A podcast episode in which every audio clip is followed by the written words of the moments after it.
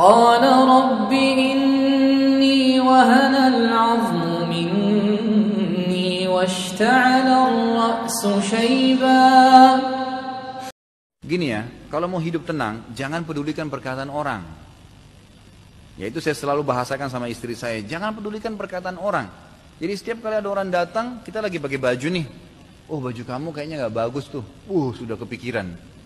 Merasa kayaknya iya bener nggak bagus, besok nggak dipakai bajunya. Loh, ini baju saya beli, saya suka, ya kan? Oh iya makasih, tapi saya senang loh warnanya. Udah nggak apa-apa, selesai kan gitu. Orang bisa berikan tanggapannya terserah dia, tapi jangan itu menjadi prinsip hidup kita. Orang yang sepertinya tidak punya prinsip hidup, dia terganggu nanti, gitu kan? Dia lagi makan bakso, eh kenapa kok makan bakso? Sini kan yang enak nasi goreng.